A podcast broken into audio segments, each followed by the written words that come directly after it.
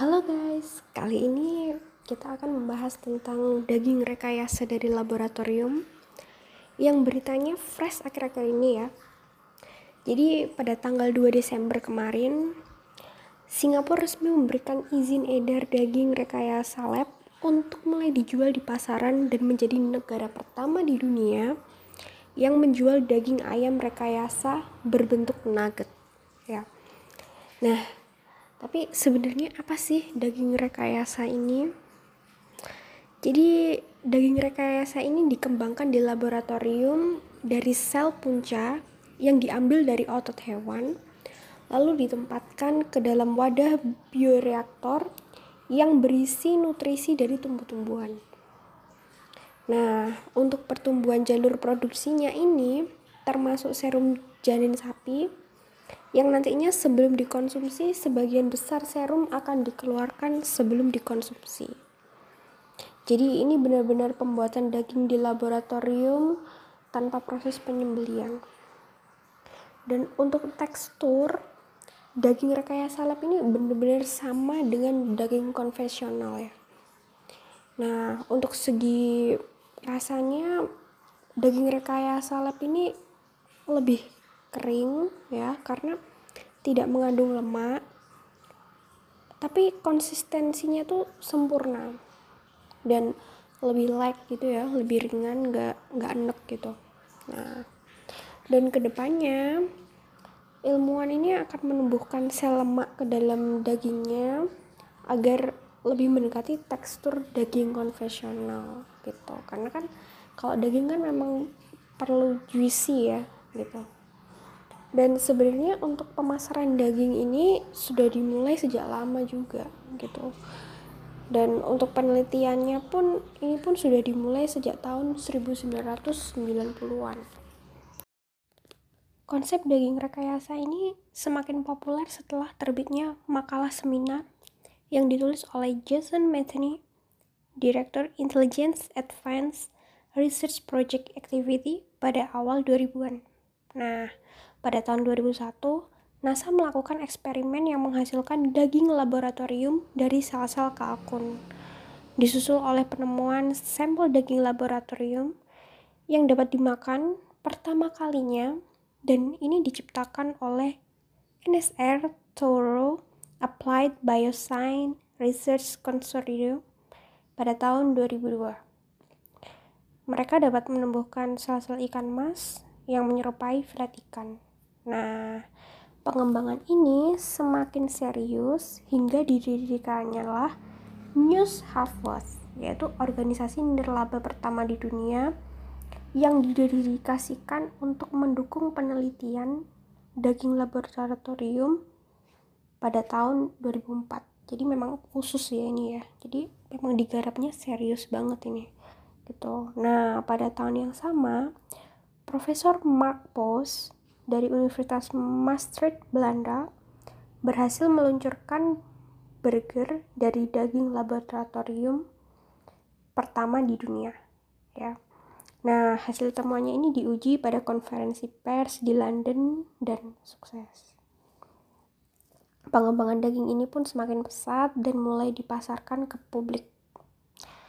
Pada Februari 2016, startup dari Silicon Valley, Memphis Smith, meluncurkan daging laboratorium dalam bentuk bakso sapi goreng.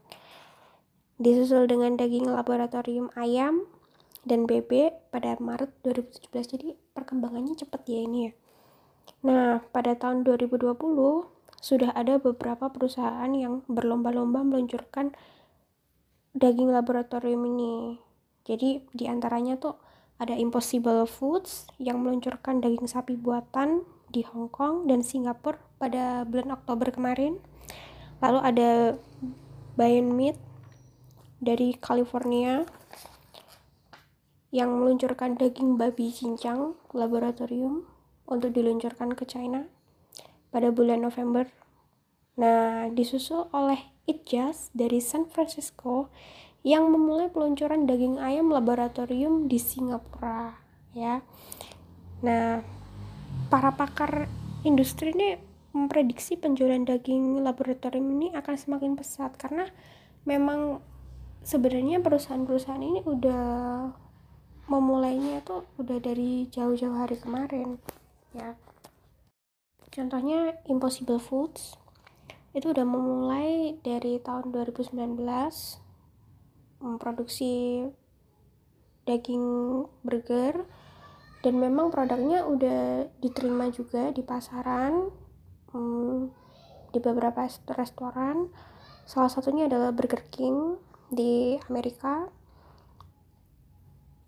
Produknya adalah Impossible Bubar itu nah dan juga untuk Memphis Smith ini memang juga pemain lama ya udah lama dan saat ini juga sedang mem memulai penelitian untuk memproduksi daging bertekstur stick gitu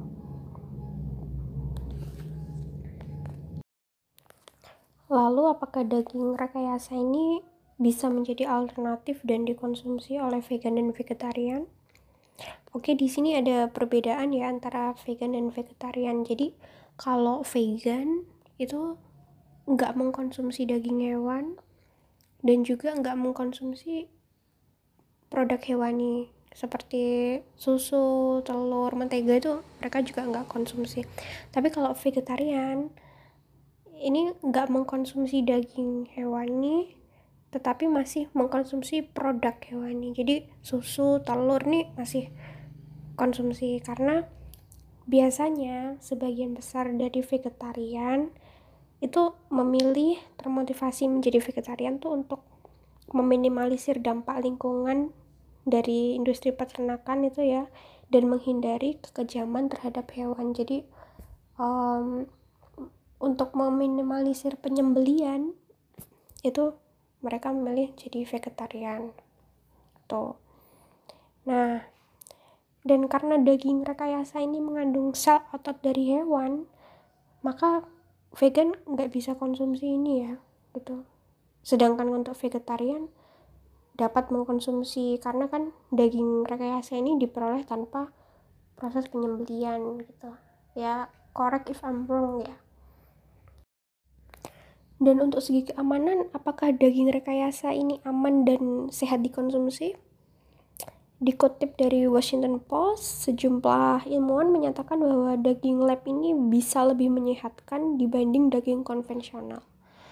Kenapa? Karena diproduksi dalam lingkungan yang steril, bebas emisi, bebas bakteri jahat, bebas dari hormon pertumbuhan hewan dan zat antibiotik juga yang biasanya disuntikkan ke hewan ternak ya. Jadi pastinya ini memang lebih sehat sih gitu.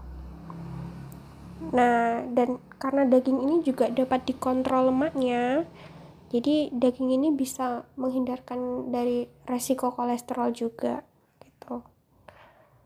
Selain itu, daging ini juga lebih ramah lingkungan dan efisien.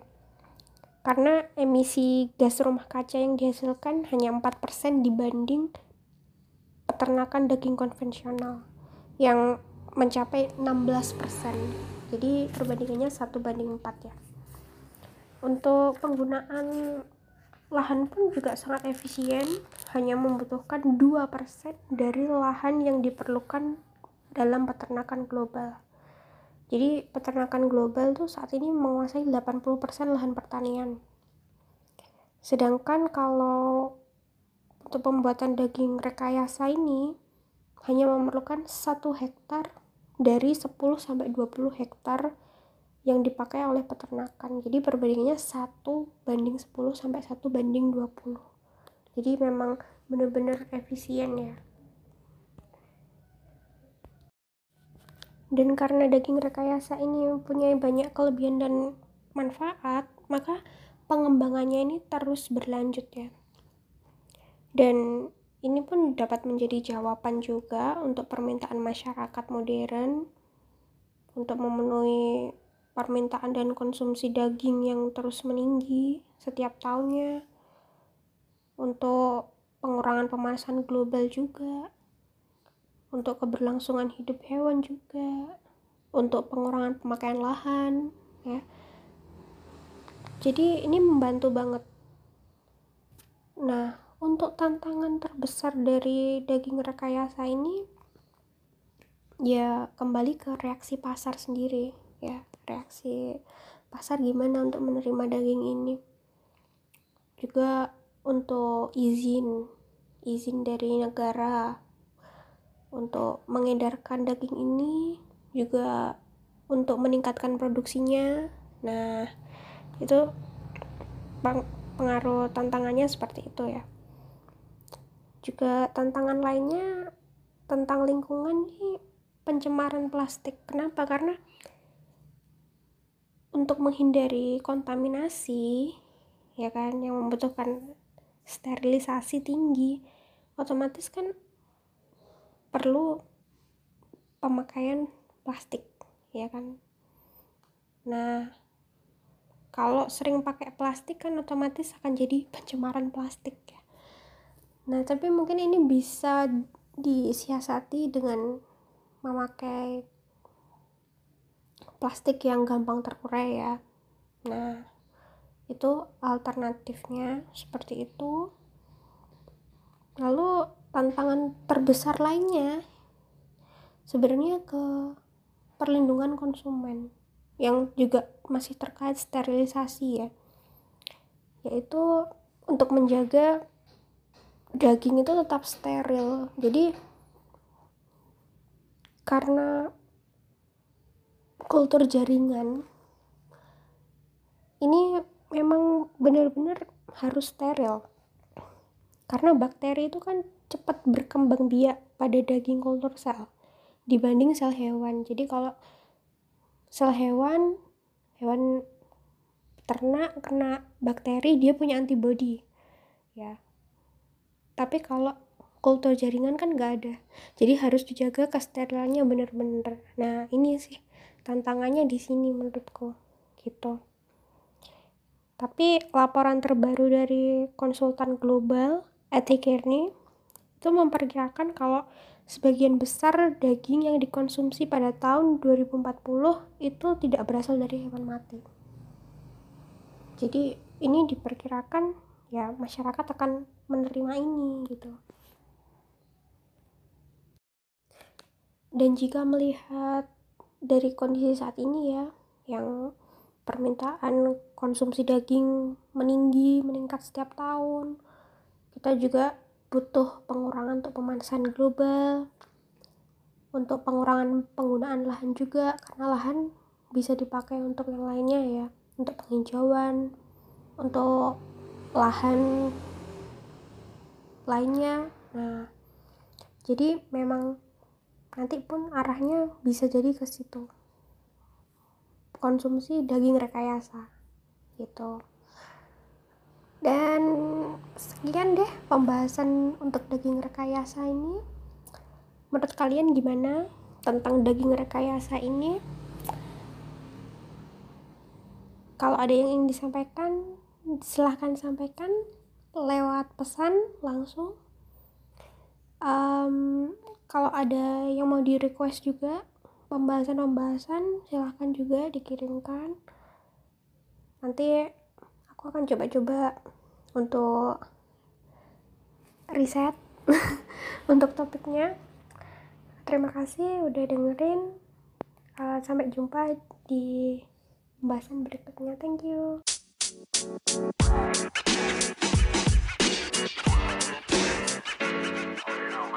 you